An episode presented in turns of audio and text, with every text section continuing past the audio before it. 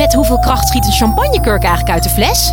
Ja, het is feest bij Quest. Al twintig jaar serieus leuk, met nieuwsgierige vragen en antwoorden uit de wetenschap. Zo maken we Nederland elke dag een stukje slimmer.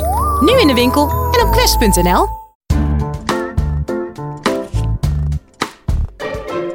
Welkom bij deze speciale editie van de podcast van Universiteit van Nederland. Ik ben Sophie en fijn dat je luistert. Zoals altijd kun je hier als wetenschapsliefhebber en nieuwsgierig mens je hart ophalen. En wie weet luister je altijd naar deze playlist, naar onze spannende colleges. Maar misschien ben je hier wel voor de allereerste keer. Deze aflevering is de eerste van een nieuwe serie, genaamd Op de Proef gesteld. Hierin koppelen wij van Universiteit van Nederland twee ogenschijnlijk verschillende werelden aan elkaar. Die van YouTubers en wetenschappers. Dat doen we in een podcast en een videoserie. Vandaag de eerste aflevering van Op de Proef gesteld. YouTuber Govert Zweep gaat in gesprek met verouderingsexpert en arts David van Bodegom van Universiteit Leiden. Govert kun je kennen als de YouTuber die een tijdje geleden enigszins illegaal Area 51 in de Verenigde Staten betrad. In zijn video's beleeft hij vooral heel veel avonturen, reist hij af naar barre landen, slaapt hij in iglo's en test hij de grenzen van zijn mentale en fysieke kunnen. Hoogleraar en arts David van Bodegom houdt ook van een portie avontuur, woonde jarenlang in Afrika en doet onderzoek naar hoe we vitaal oud worden. Govert en David bespreken hoe je zo lang mogelijk in volle gezondheid avonturen kan blijven beleven. Geniet van deze extra lange special.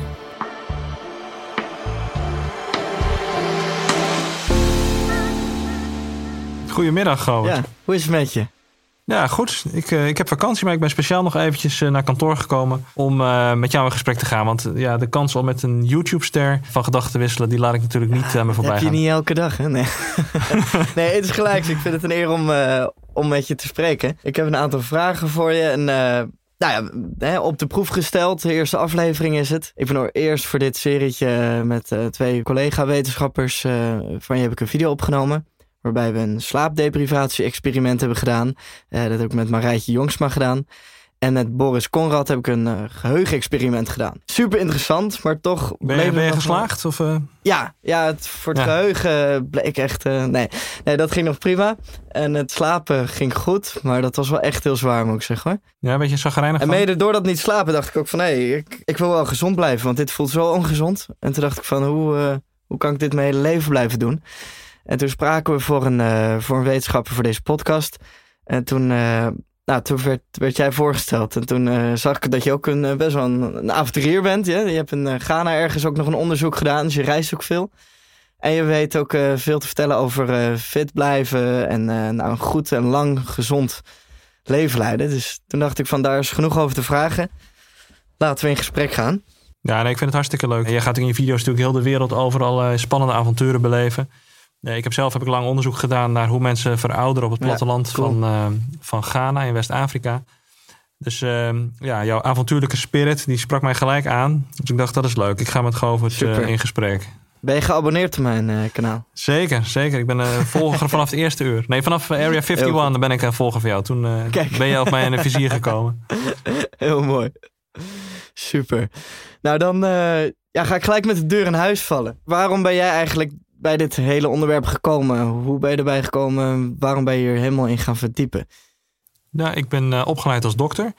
En tijdens mijn studie raakte ik gefascineerd door veroudering. Ik vond het gewoon interessant waarom een muis na één of twee jaar al oud en versleten is. En een mens na 80 of 100 jaar, maar een schildpad bijvoorbeeld wel 250 jaar oud kan worden. Wat is dat dan in die cellen van die schildpad dat die zo oud kan worden? En uh, ja, zouden wij ook zo oud kunnen worden? Dat is natuurlijk toch altijd ook een deel van die fascinatie. Uh, dus toen ben ik me erin gaan verdiepen en heb ik lang onderzoek gedaan naar uh, hoe mensen verouderen op het platteland uh, in het noorden van Ghana. Nou, daar bleken ze eigenlijk heel, heel, anders oud te worden en op veel gebieden veel gezonder oud.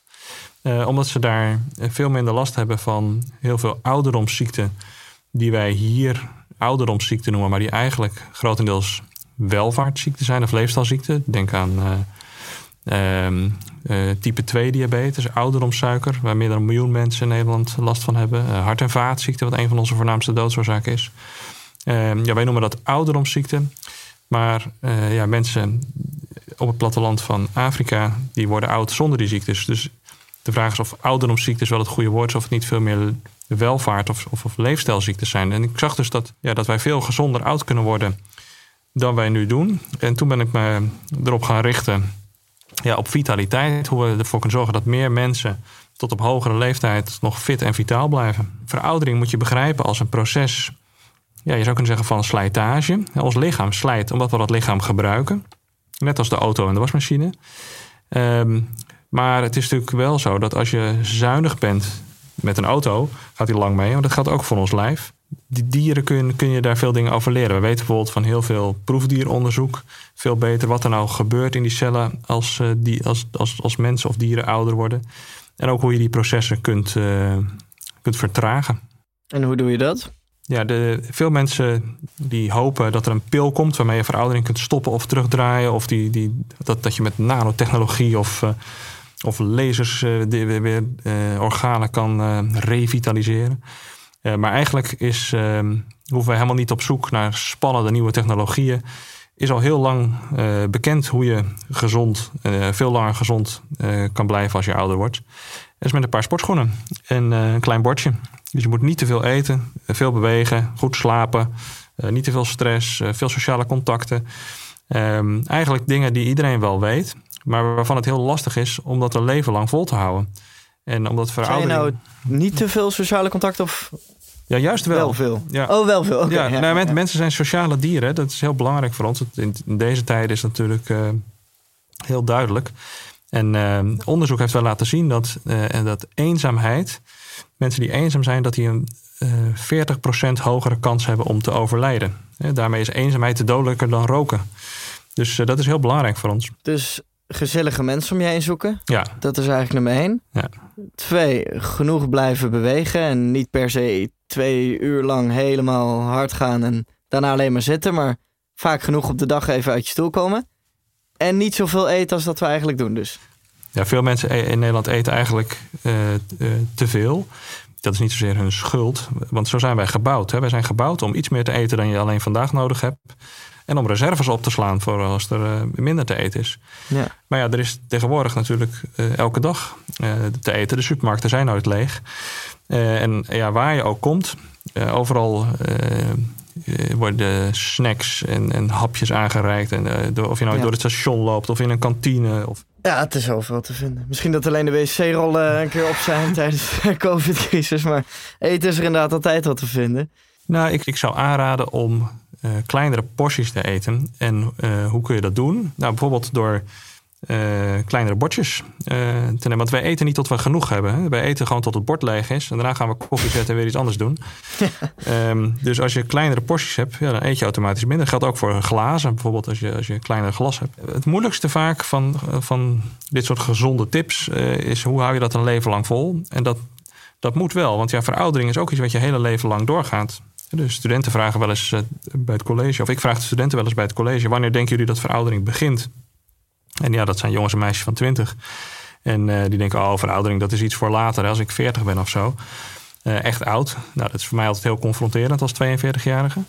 Um, maar als ik dan uitleg hoe veroudering werkt in die cellen, dat het een proces is van slijtage, omdat uh, nou, als er suiker wordt verbrand, dan komen er, komt energie bij vrij, maar ook zuurstofradicalen die die cel kunnen beschadigen. En dan opeens zie je het kwartje vallen. Dat uh, zij zijn ook al aan het verouderen. 20 jaar versleten. Ja. ja. Is, is dat suiker ook echt zo'n ding dan? Dus als je daar zou op letten, dan. Want je zegt dat die verbranding dan. Wacht, dat moet je even opnieuw zeggen. Want het, het klonk wel interessant, ja, nee. maar ik zou hem zo niet opnieuw kunnen herhalen.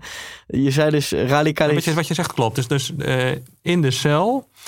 Uh, daar zitten mitochondriën, dat zijn de energiefabriekjes in de cel. Daar heb je een paar honderd van in iedere cel. En uh, daarin wordt suiker verbrand met zuurstof. En komt, zo maakt je cel energie. Maar daar komen ook bijproducten bij vrij. Dat heet de zuurstofradicalen of uh, vrije radicalen. En uh, die zijn heel reactief. Die kunnen met heel veel stofjes en structuren in die cel reageren en die beschadigen.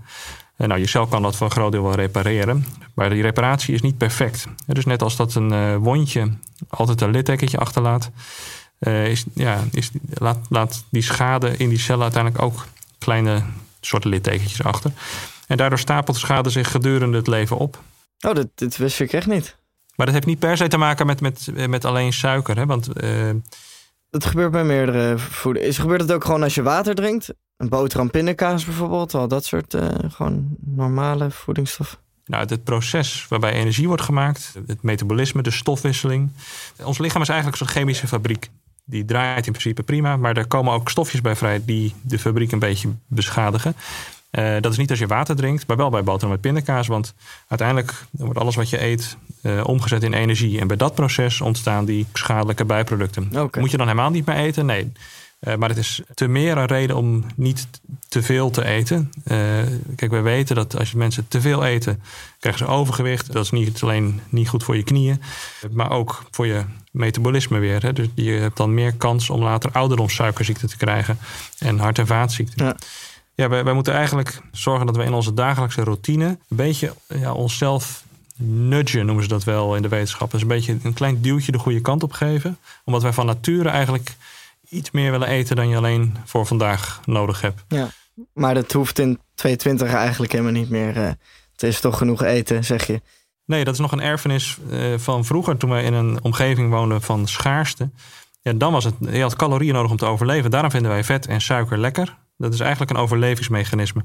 Maar dat, zit ons nu een beetje in de weg. Want overal om ons heen is vet en suiker. Hoogcalorische voeding.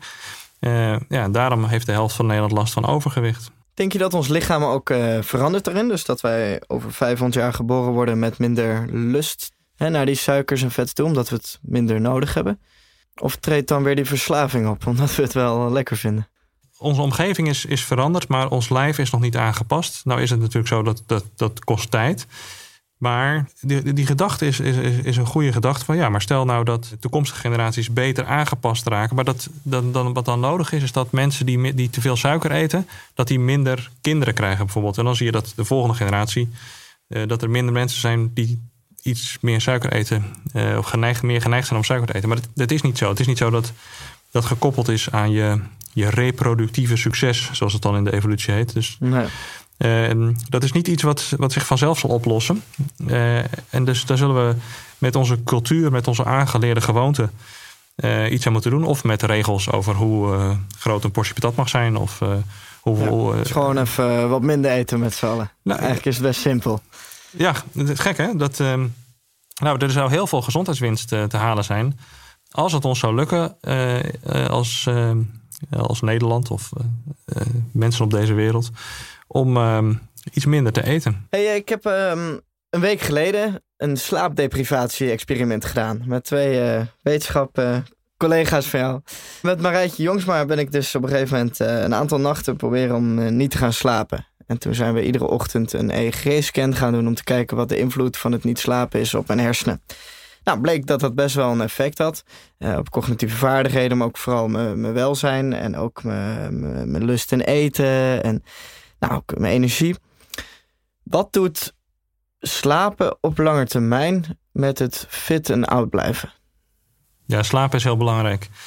Uh, wij weten dat uh, mensen na één nacht slaaptekort, dus als die maar vier uur slapen bijvoorbeeld, uh, daar word je niet alleen moe van in je hoofd, maar ook voor je lijf. Hè. Je, je komt dan in een soort ja toestand uh, die lijkt op een soort beginnende suikerziekte.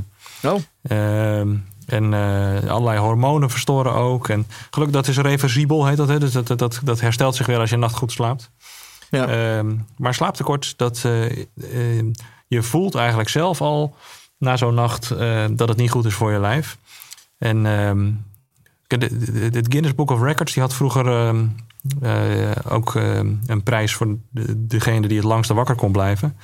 Maar daar zijn ze mee gestopt, omdat ze dat uh, te gevaarlijk vonden. Omdat iedereen ging steeds langer wakker blijven. Ja. Maar het record stond geloof ik op een dag of negen of elf of zo. Ja, elf. Ja. Dat is een jonge student geweest. Die heeft elf dagen heeft hij, zonder slaap doorgeleefd. Ja, ik heb het 66,5 uur volgehouden. Nou, dat was wel echt niet normaal. Ja. Je gaat dingen zien, dingen horen en je voelt je een lijk. Het is echt verschrikkelijk. Dus gewoon een, een goede acht of negen uur slaap per dag is ook wel uh, echt nodig. Of, dat scheelt ook weer heel erg per mens, toch? Dat klopt. Voor sommige mensen die slapen vier, vijf uur en die gaan hartstikke goed. Die, uh, ik had bijvoorbeeld een leraar op de middelbare school. Die ging elke nacht volgens mij een vier uur s'nachts naar bed. Die lag uh, de hele nacht nog Nederlandse boeken te lezen, want die was ook een Nederlandse docent. En die zei, ik heb gewoon geen, geen slaap nodig bijna. Ja, dat kan ik natuurlijk alleen maar applaudisseren. Want, want mensen die ja. boeken lezen, die daar loopt het altijd goed mee af. Maar um, Nee, het, het is zo dat ehm, eh, we weten bijvoorbeeld van dierenonderzoek ook wel dat er zijn eh, kleine knaagdieren. En eh, sommige daarvan houden een winterslaap en andere soortgelijke knaagdieren niet. En die knaagdieren die een winterslaap houden, die leven tot wel anderhalf keer zo lang als die dieren die geen winterslaap houden. Deels is dat omdat als je in je holletje een winterslaap houdt, word je niet opgegeten. Maar deels is dat ook omdat als je die cellen onderzoekt, dat de, die cellen slijten minder snel. Daar kun je ook iets bij voorstellen. Want ja, als je natuurlijk ehm, tijdens een winterslaap, dan alle processen in het lijf gaan heel langzaam. Ehm, en dat is ook iets wat je ziet als je naar koudbloedige en warmbloedige eh, dieren kijkt. Ehm, wij zijn warmbloedige dieren. Eh, ons lichaam is altijd dezelfde temperatuur. Maar koudbloedige dieren die nemen de temperatuur van de omgeving aan. Ja. En er zijn bijvoorbeeld bepaalde eh, schelpen. Die wonen zowel in Spanje als in Siberië, in, het, in zoet water. Eh, en in Spanje eh, is het lekker warm. Daar leven ze 29 jaar. Maar in Siberië is het koud. Dan gaat alles heel traag. En dan leven ze wel 200 jaar. Dus slapen is ook een periode van rust en herstel. En als je lang slaapt, dan stapelt zich minder snel schade op in het lijf. Ja. Dus niet alleen is, is, is een kort nacht, eh, nacht doorhalen is, is, is slecht voor je lijf, zoals je iedereen wel voelt. Ehm, ook Ja, consequent. op korte termijn eh, merk je heel veel effecten. Maar het heeft dus ook wel degelijk op lange termijn heel veel nadelige gevolgen. Dat is wel de verwachting. Hè? Dus het is nog nooit zo geweest dat we een experiment hebben gedaan waarbij we 100 mensen eh 80 jaar lang. eh, je- Slaapdeprivatie van 80 jaar lang, ja. ik denk dat niemand de te- testpersoon wil zijn dan. eh, nee. Voor mijn eh, avonturen en video's reis ik vaak naar het buitenland. En dan zie ik echt de totaal verschillende mensen. Dat zul je ook wel hebben meegemaakt. Ehm, maar ook echt een, een typisch verschil in de, in de gezondheid en, eh, en hoe de mensen erbij lopen. Hoe komt dat? Heeft de omgeving echt zoveel, eh, zoveel invloed? Komt dat door de economie bij, daar? eh, Dat mensen het minder goed hebben? Of juist misschien veel beter? Heb jij daar een duidelijk antwoord op? Ja, er zijn heel veel dingen die invloed hebben op hoe mensen oud worden. Natuurlijk of je rijk of arm bent en op welke genen je hebt. Eh, maar het belangrijkste is eigenlijk je leefstijl. En die verschilt natuurlijk ook heel erg van plek tot plek. Ehm, er zijn eh, bijvoorbeeld onderzoeken geweest naar de blue zones. Dat zijn plekken op de wereld waar mensen relatief lang gezond blijven en heel oud worden. En, Oh, zou, je zou je een land kunnen opnoemen? nou, een van die plekken is bijvoorbeeld Japan, het eiland Okinawa. Daar wonen de meeste honderdjarigen. En die zijn nog op een hele hoge leeftijd fit. En als je dan gaat onderzoeken hoe dat nou komt, dan blijkt dat dat een hele arme regio van Japan is. Eh, waar mensen eigenlijk eh, altijd weinig te eten hadden. En heel veel. Iedereen had daar een moestuin om zijn, eh, zijn dieet wat aan te vullen. Ja. En een, een moestuin is dubbel gezond, want je bent dan de hele dag lekker aan het bewegen. En je moet het onderhouden natuurlijk. dus Je bent aan het bewegen. Ja. Ja, en tegelijkertijd, ja, wat je kunt eten in de, uit de moestuin, dat is eh, ja, een week lang wortels, een week lang sla, hele zomer spersiebonen. Maar geen Ja. eh, marsbar of eh, andere hoogcalorische dingen. Dus ja, dat houdt je ook slank. Geen opwarm lasagne uit de magnetron. Nee, precies. En ehm, nou, wij zitten nu hele dagen op kantoor. En ja, van zitten, dat wordt wel het nieuwe roken genoemd. Ja, hele dagen zitten, dat is niet goed voor je lijf. Dus we moeten nadenken hoe we in die kantooromgeving weer meer in beweging komen. En dat kan bijvoorbeeld door om met de fiets naar je werk te gaan, maar ook door, als het dan lunchpauze is, niet weer te gaan zitten in de kantine. Ja, even een rondje Eh, lopen. Ja, maar dat, dat moeten andere. Ja, je hebt tegenwoordig ook al van die, eh, van die bureaus, toch? Dat je echt gewoon staand aan het werken bent. Ja. Dus dat zie ik wel eens langskomen. Denk van, dat ziet er niet heel comfortabel uit. Maar misschien moeten we daar toch maar eens aan gaan wennen. Het zou natuurlijk top zijn als we maar gewoon staand kunnen werken. Ik heb zo'n bureau. En eh, ik, Oh, je hebt hem al. Ik, ik zal twee bekentenissen doen. In de eerste plaats eh, ben ik een tijdje uitgelachen omdat ik achter zijn bureau stond. ja. Eh, maar nu heeft iedereen er een hier op kantoor. Maar het tweede is dat de eerste week dat ik achter zo'n bureau stond. Ik had s'avonds hartstikke. Ik had moeie poot had ik. En, ehm, eh, maar na een week was dat over. En dat betekent dus dat mijn benen. die waren eigenlijk zo onttraind. dat ze niet eens heel de dag mijn eigen lichaamsgewicht konden dragen. Dus zo erg is het met ons zitters. eh, dat eh, wij, wij, wij zijn onttraind. ja, maar ligt dat aan jij? Aan jou of zijn, we dat allemaal? Nee, ik denk dus dat, eh, dat het voor meer mensen geldt. Ja, ja, ja. want als je de hele dag zit. kijk, een, een spier blijft alleen maar sterk als je hem traint. En heel veel mensen zitten de hele dag. En ja, dat kost je dus spiermassa. En die spieren zijn belangrijk Ja, bizar, ja. gewoon eh, ja, om krachtig en eh, eh, sterk te blijven. Maar die spieren die helpen ook bijvoorbeeld als je iets gegeten hebt om die suikers te verwerken. Dus die voorkomen dat jij hoge bloedsuikers krijgt en dat je eerder de ouderdomssuikerziekte krijgt. Dan ga ik misschien toch maar zo'n staand eh, bureautje een Ja, keer... als jij tien uur per dag aanschaffen. zit om, eh, met, met editen, dan, dat, dan, is het, dan zou het jou zeker winst geven als je dat weet te onderbreken. Want jij kunt natuurlijk niet stoppen, want jij bent natuurlijk dedicated om die video af te maken. Maar als je dan erbij gaat staan af en toe. Ja, nou, we hebben nu slaap gehad. Dat moet goed zitten. Je moet goed en kort eten. Ehm, wat hebben we nou nog meer gehad? Ja, veel bewegen natuurlijk. Niet te veel zitten ook zeker. Maar dit zijn toch... dit is heel interessant om te horen. Eh, maar misschien dat sommige mensen denken van... Ja, dat, dat, dat, hè, dat, dat, dat weten we wel. Dit, dit hoor je wel vaker in nieuws. Heb jij nog bepaalde kleine dingetjes die we kunnen veranderen als mens? Gewoon kleine do's of don'ts. Wat toch wel veel effect kan hebben. In positieve zin. Ja, veel mensen denken vaak dat ehm, als ze gezond oud willen worden, dat ze een heel streng dieet moeten en eh, drie avonden per week naar de sportschool. Eh, maar dat houden mensen niet vol. Onderzoek laat zien dat als je kleine veranderingen in je dagelijkse routine aanbrengt, omdat dat iedere dag weer terugkomt, dat dat uiteindelijk op de lange termijn grote effecten kan hebben. En dan moet je vol denken aan. eh, ehm, nou, als je kleinere bordjes hebt, dan eten mensen eh, iedere dag net wat minder.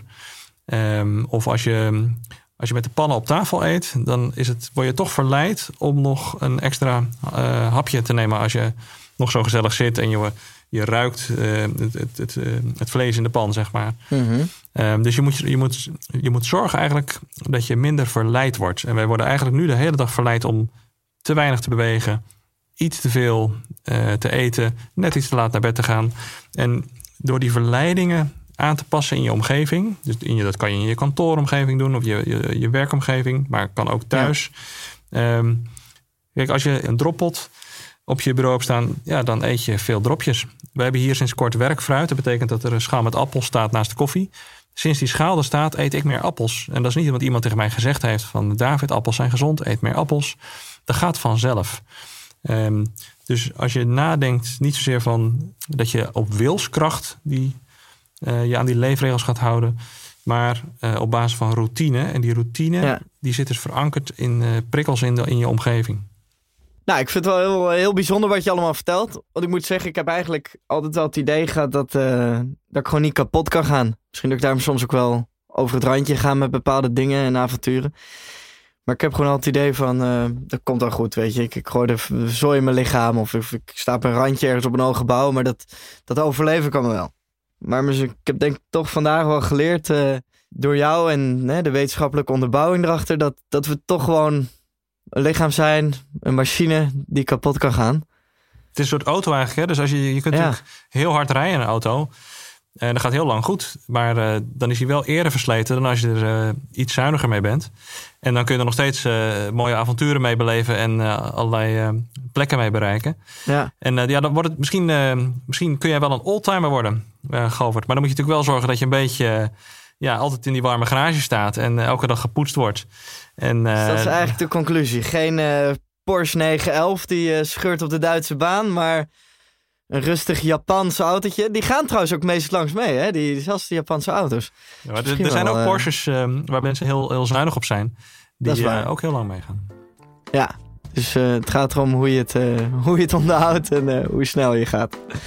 Super. Nou, ik wil je bedanken dat eh, je de tijd wil nemen om eh, mijn vragen te beantwoorden. Ja, ik vond het hartstikke leuk om met je in gesprek te zijn, Govert. Goed om te horen. En ik hoop ook dat alle luisteraars van deze podcast er wat van geleerd hebben. En nu nog geïnteresseerder zijn in de wetenschap. Tenminste, ik ben het zeker. Ik vind het altijd wel leuk dat er meer verklaringen zijn voor dingen dan dat je soms denkt. Dus daar wil ik je voor bedanken. Graag gedaan. Je hoorde een special en eerste aflevering van Op de Proef gesteld met David van Bodegom van Universiteit Leiden en Govert Zweep. Elke week vind je in onze playlist twee nieuwe podcastcolleges. Vond je de combinatie Govert en wetenschap een leuke? Check dan www.universiteitvannederland.nl slash Govertzweep.